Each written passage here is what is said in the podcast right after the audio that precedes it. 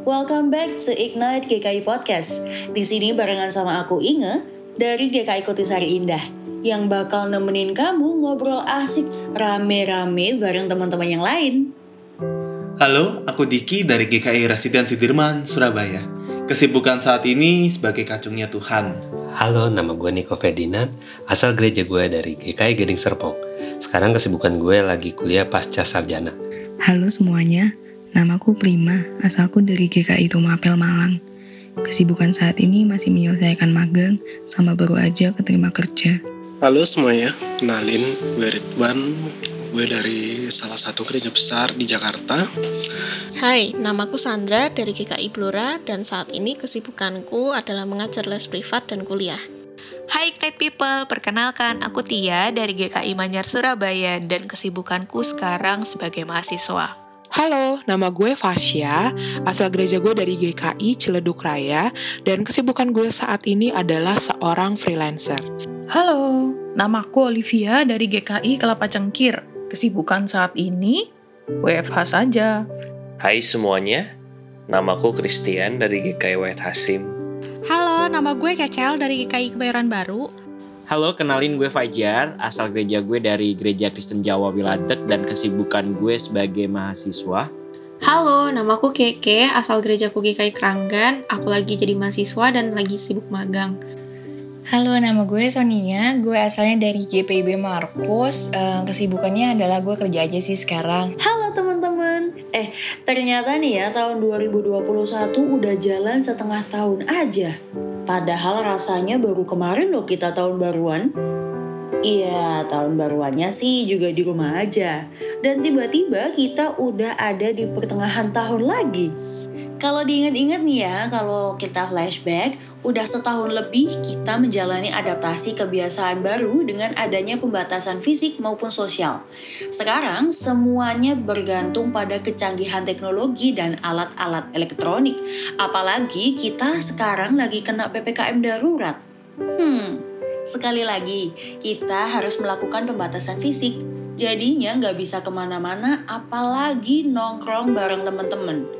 Eh tapi kalau boleh jujur sih, aku tuh ngerasa kayak terkurung gitu. Kayak lagi diposesifin, gak boleh ke mana-mana dan harus di rumah aja. Buat yang love language-nya physical touch dan quality time, harus siap LDR sama pacar ya. Anyway, kalau teman-teman di sini gimana rasanya ketika pertemuan fisik kayak nongkrong, kerja kelompok, atau ya sekedar nongki biasa aja, jadinya harus dibatasin perasaan ketika pertemuan fisik atau kumpul-kumpul bareng gitu ya nongki-nongki kegiatan offline tapi harus dibatasin tuh ya agak canggung sih karena nggak seperti biasanya aja rasanya.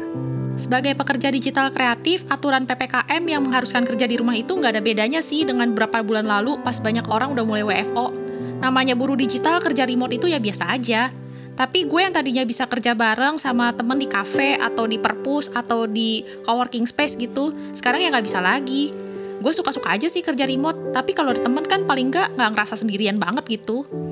PPKM sekarang tuh sebenarnya bikin gue tambah stres karena adanya si varian baru.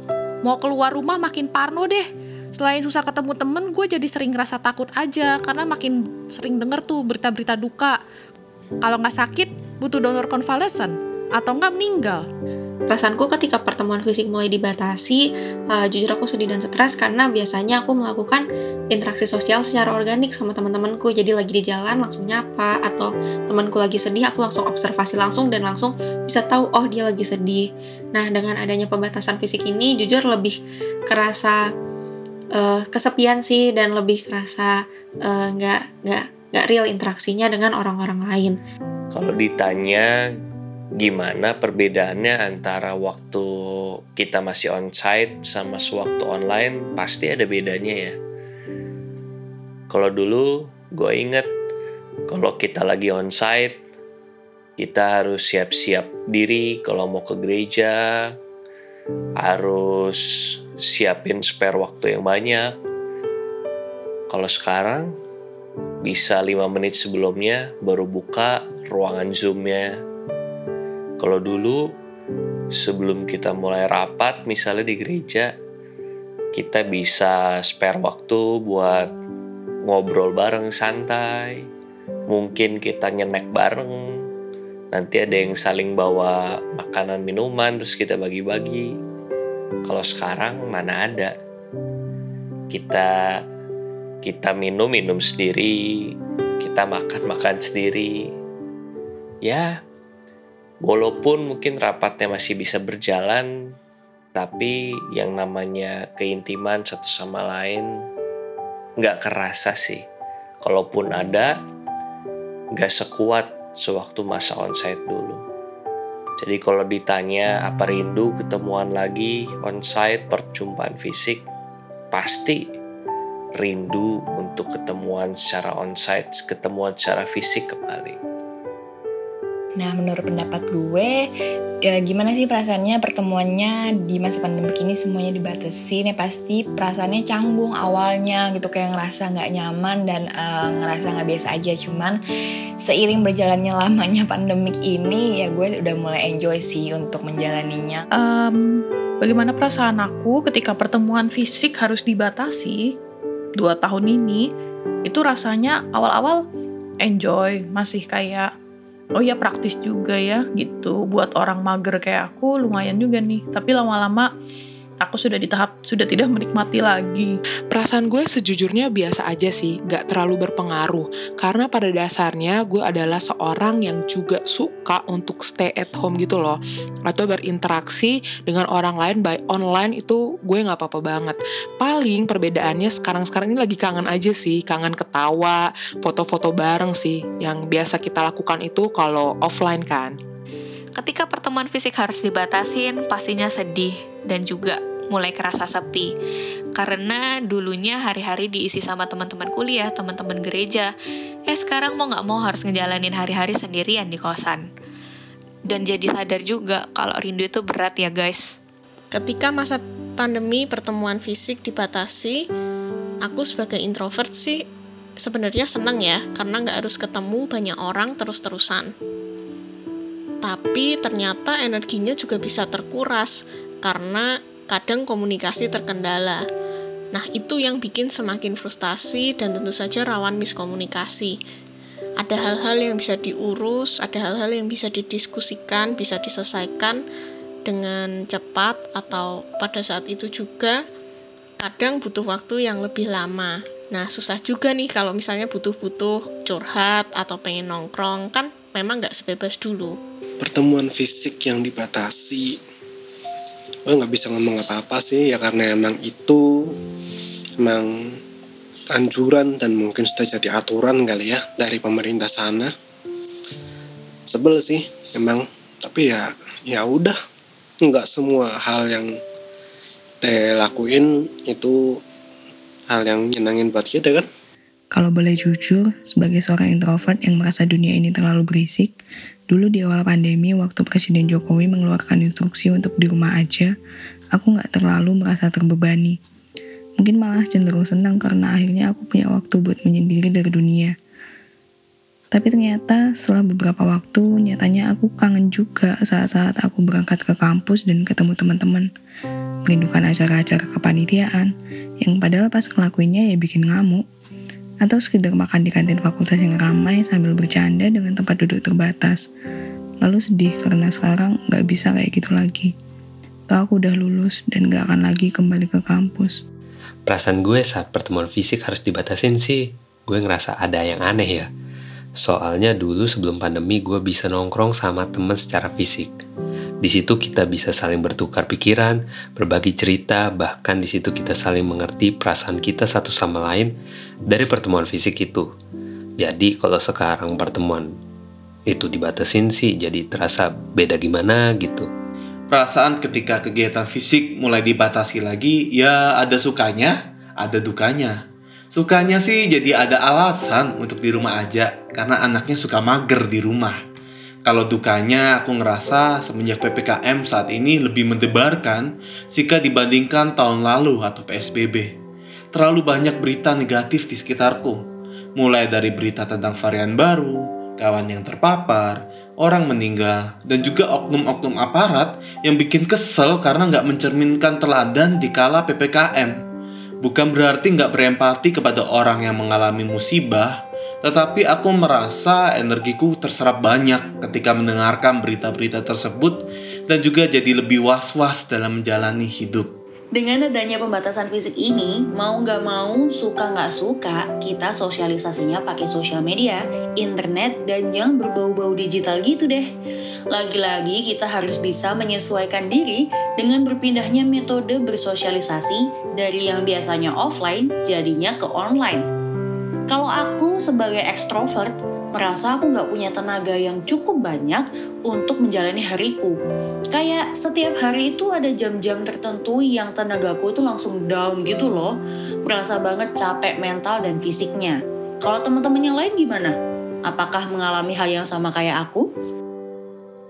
Awalnya berat sih emang, membiasakan diri untuk beralih semuanya secara online. Soalnya kita nggak bisa ngerasain langsung apa yang dirasakan oleh lawan bicara kita Cuman makin ke sini gue makin bersyukur sih masih ada yang namanya teknologi yang masih mempertemukan gue sama teman-teman gue. Meski tentu berasa berbeda. Kegiatan sosial sih sepertinya nggak terlalu terganggu banget karena orangnya jarang bersosialisasi. Toh juga interaksi secara online pun kita sudah terbiasa. Soal hubungan percintaan jadi menghadapi tantangan akan celengan rindu yang mulai penuh, dan kalau soal persekutuan sih merasa nggak ada bedanya. Karena selama ini juga persekutuan sudah dilakukan secara online sebelum PPKM diberlakukan. Kehidupan sosial gue selama pandemi ya at some point pertemanan udah tanya uh, gimana? Kabar lo sehat nggak itu udah uh, keren banget sih. Itu udah hal yang penting dan umum ditanyakan sebagai bentuk empati nah, kondisinya lagi baik atau enggak. Hmm, berkegiatan bersekutuan enak sih bisa bersekutu dengan teman-teman yang lagi jauh. Ada yang di Bandung ada yang di Surabaya ada yang di Jogja kota-kota lain. Percintaan sih ya jujur kangen aja sama pacar tapi ya pandemi ini mungkin udah setahun lebih kali ya udah nggak ketemu langsung lagi LDR soalnya dalam kehidupan sosial, sejujurnya ada keuntungan yang aku rasain karena relasiku bertambah berkat ikut webinar atau acara-acara online lainnya. Selain itu, aku juga bisa meet up online nih sama teman-teman yang setahun sekalipun belum tentu ketemu. Jadi ya bisa lepas kangen. Untuk di kehidupan sosial, khususnya di relasi pertemanan, emang kebantu banget sih. Jadi lebih mudah ketemu teman baru, relasinya makin luas, dan lebih mudah juga untuk ngelakuin kolaborasi. Tapi jadi punya PR baru nih untuk tetap maintain dengan teman-teman yang udah ada sekarang. Untuk di relasi percintaan jadi lebih terhambat. Dulunya bisa ketemu langsung dan menghabiskan waktu bareng sama orang yang kita kasihi. Sekarang harus kayak hubungan LDR, padahal tetap aja tuh tinggal di satu kota yang sama buat teman-teman yang lagi cari pacar juga kayaknya punya tantangan tersendiri deh. Karena cuman bisa kenal karakter orang via chatting ataupun video call ataupun voice call.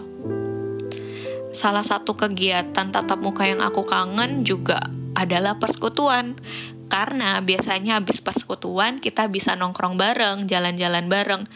Eh sekarang cuman bisa berbagi cerita dan ketawa-ketawa via Zoom doang. Terkait dengan relasi yang semuanya serba dibatasin pertemuannya entah pertemuan untuk pertemanan ataupun percintaan ataupun persekutuan ya satu kata sih kangen gitu. Karena kan biasanya kita ngumpul bareng ngobrol bareng secara lepas secara heboh nggak lupa waktu. Tapi sekarang semuanya dia serba dibatasin pasti kangen itu ada gitu. Sesungguhnya kegiatan bersosialisasi gue masih berjalan seperti biasa karena ya seperti yang kita tahu banyak platform-platform online yang mendukung seperti Zoom, Google Meet atau WhatsApp. Gue saat ini masih video call atau teleponan sama teman-teman gue bahkan gak kenal waktu sih. Bisa lebih enak juga sejujurnya. Kehidupan sosialku kalau dalam pertemanan ya uh, adalah hal-hal yang terasa hilang ya karena ada hal-hal yang tetap tidak terkatakan tetapi tidak bisa digantikan juga oleh pertemuan secara online apalagi kita biasa kerja pakai Zoom.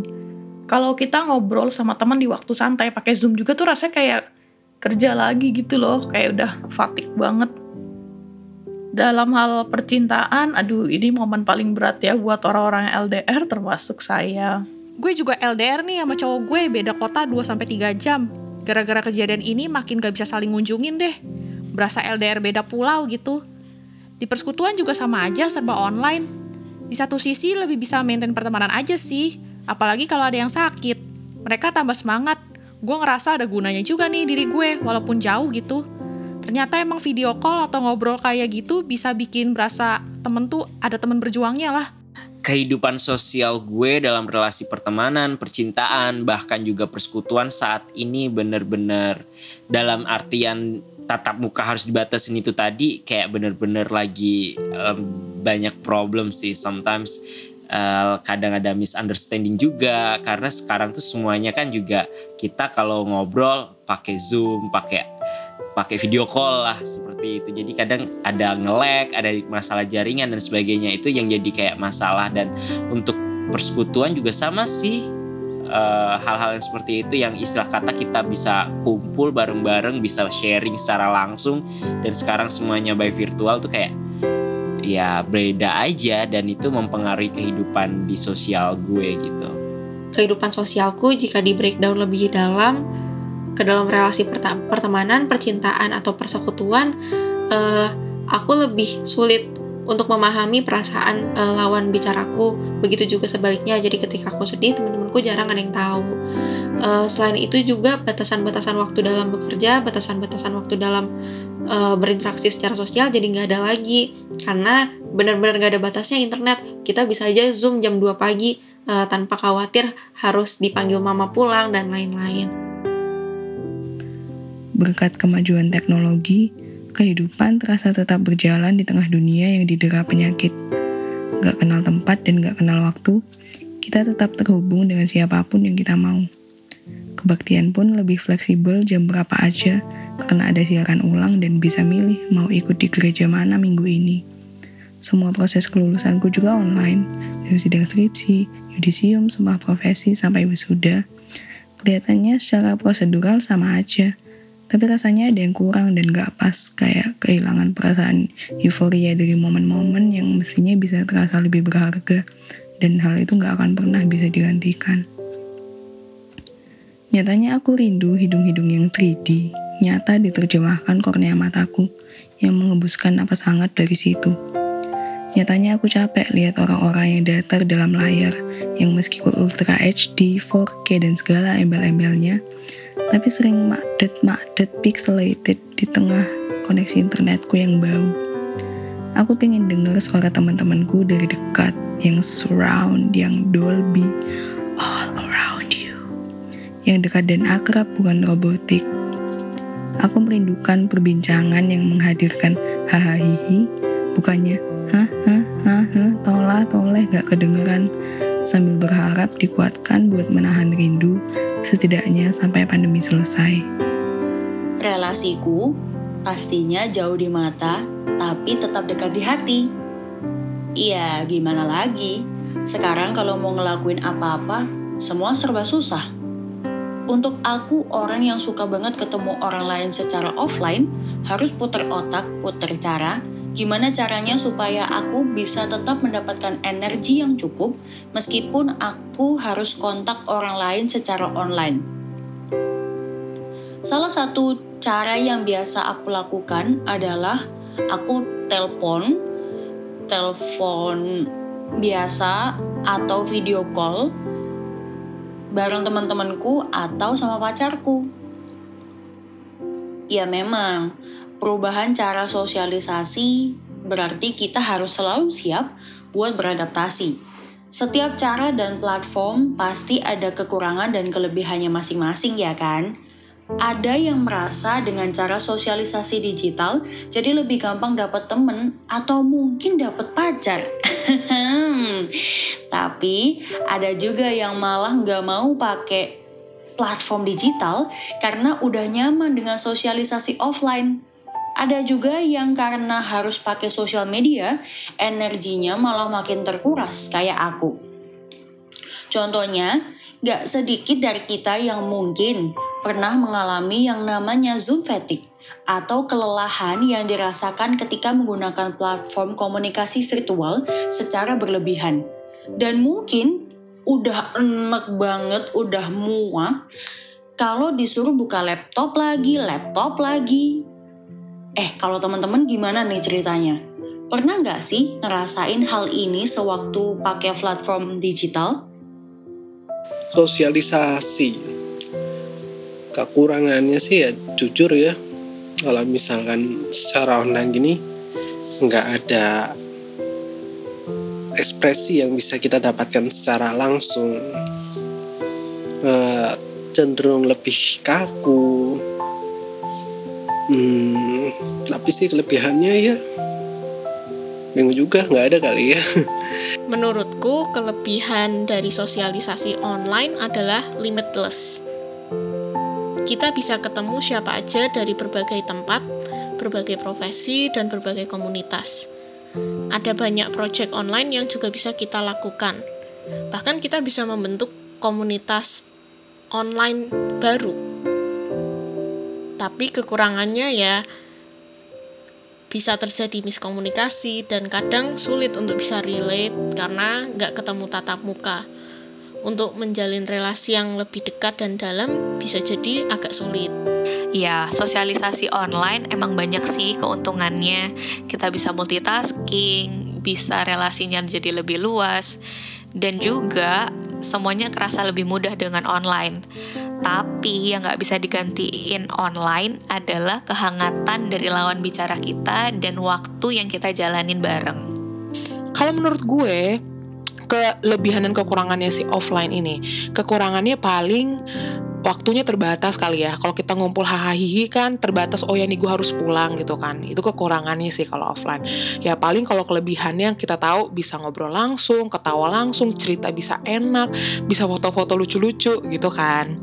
Kalau online paling kekurangannya ya itu kebalikannya sih kita nggak bisa berinteraksi secara langsung nggak bisa ngobrol langsung nggak bisa ketawa langsung agak terbatas gitu ceritanya gitu kan ya ekspresinya gitu kan kurang dan nggak bisa foto-foto. Kalau kelebihannya kelebihannya dari online ini pastinya nggak kenal waktu. Bahkan bisa sampai begadang sampai pagi ya nggak mikirin mau pulang kemalaman gitu.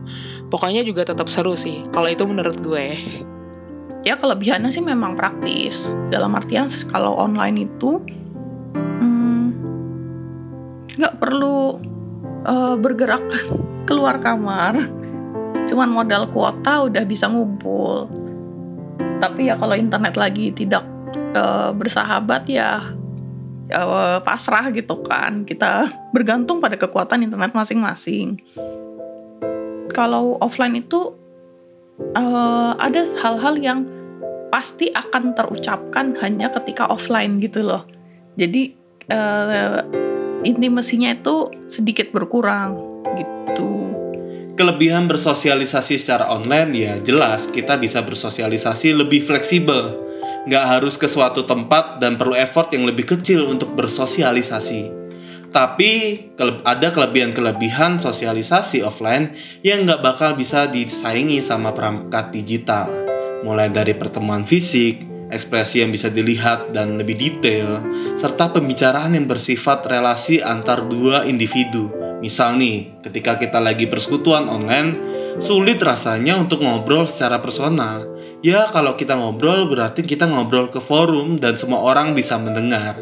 Tetapi kalau persekutuan offline, kita bisa ngobrol secara intens dan personal dengan orang-orang yang ada di samping-samping kita atau di hadapan kita bertanya kabar ataupun bertanya tentang permasalahan yang sedang ia alami, lalu lanjut deh ke cerita-cerita curhatan lainnya. Nah, kalau menurut gue um, untuk kelebihan sama kekurangan offline itu kalau offline tuh lebih lepas, lebih uh, ekspresif gitu, lebih leluasa juga gitu ketika uh, pertemuan itu ada. Nah, tapi kekurangannya adalah kita jadi lupa waktu nih karena kasihkan ngobrol. Kalau untuk online kelebihannya kita jadi lebih tahu tentang teknologi, lebih explore lagi gitu. Misalnya Microsoft Teams ataupun Zoom, oh ternyata bisa dipakai nih untuk tatap muka. Lalu untuk kekurangannya uh, ya jadi nggak leluasa aja ya gitu karena uh, hanya dibatasi dengan layar handphone atau nggak layar laptop. Jadi kalau bisa kita lagi heboh sendiri tuh yang lain tuh cuman ketawa ataupun senyumnya tuh ya hanya di layar doang gitu. Gitu aja sih menurut gue. Thank you. Sebenarnya kayak dua sisi mata uang aja kita bisa interaksi sama teman kita yang jauh dan tidak mementingkan waktu sekalipun, meskipun itu hanya lewat layar kaca. Tapi terkadang kita juga bisa lupa sama orang-orang yang ada di sekitar kita yang tiap hari ada secara fisik buat kita. Kita cenderung lebih mementingkan rasa terhadap orang yang ada di layar kaca, tapi sama orang yang ada di dekat kita, kita sering lupa memberi rasa sama mereka. Kelebihannya uh, memang secara online kita bisa berinteraksi sama siapa siapa pun dan kapan pun. Tapi ada hal-hal real di uh, yang terjadi ketika offline yang tidak bisa uh, direplikasi secara online. Juga uh, ketika kita melakukan interaksi secara online sebenarnya sih cenderung lebih melelahkan dan kesepian karena uh, kurang real aja sih gitu. Mungkin ini kelebihan dari bersosialisasi secara online waktu dan tempatnya tuh kayak lebih fleksibel aja, tapi ya kurang afeksi. Gak bisa juga lah ketemuan onsite diganti sama ketemuan online. Gue yang nemu banyak temen dan jodoh lewat online aja mesti ketemuan dulu nih biar yakin sama relasi yang dijalanin. Kelebihan dan kekurangan cara bersosialisasi secara offline dan online menurut gue itu kalau di offline uh, kelebihannya itu kita bisa langsung merasakan apa yang sedang terjadi di sekitar kita atau di sekeliling kita. Nah kalau kekurangannya itu hanya bercakup di daerah sekeliling kita gitu. Cakupannya nggak luas gitu. Kalau online kan kita luas ya kan. Dan itu bisa terjadi kapan pun dan kita pun nggak harus bertemu gitu ya. Dalam artian karena online jadi hanya membutuhkan piranti dan kalau kekurangannya kalau misalkan pirantinya bermasalah itu yang akan menjadi hambatannya sih. Wah, ternyata aku nggak sendirian nih dalam pengalaman ini. Menurutku, setiap orang pasti punya kapasitasnya masing-masing dalam menggunakan platform sosial media, terutama ketika kebutuhan terhadap sosial media semakin meningkat akibat pandemi ini. Nah, Ignite People, cara sosialisasi yang dinamis tentu membuat kita memaknai ulang tiap relasi sosial kita. Pasti ada aja keseruan sekaligus tantangannya sendiri loh. Yang jelas, kita bisa belajar berkomunikasi dengan lebih fleksibel dan jadi lebih kreatif buat memanfaatkan media yang ada untuk tetap bersosialisasi. Yang perlu diingat nih ya, gunakan media sosialmu yang ada secara positif. Jangan sampai kita malah jadi pembawa dampak negatif lewat media yang kita gunakan. Karena zaman sekarang nih ya, kan banyak tuh yang suka menyebarkan hoax, menuliskan hate speech, dan semacamnya. Tapi, kira-kira gimana nih caranya agar kita bisa berpendapat dan berkomentar secara bijak dan membangun orang lain di media sosial masing-masing? Well, itu jadi pertanyaan pastinya buat aku dan kamu nih Ignite People. Terima kasih untuk para kontributor yang sudah memberikan insight mereka kepada kita yang mendengarkan. Semoga sharing dari teman-teman bisa memotivasi kita kembali untuk berusaha beradaptasi dalam proses sosialisasi kita, terutama pada masa pandemi. Thank you juga buat kamu Ignite People yang udah dengerin aku selaku perwakilan dari orang ekstrovert dan yang memiliki love language quality time. Jangan lupa follow dan subscribe kita di Spotify, Instagram, YouTube, dan main-mainlah ke website kita di www.ignitegki.com. Tetap di rumah aja, gak usah ke mana-mana. Jaga kesehatan, dan Tuhan Yesus memberkati.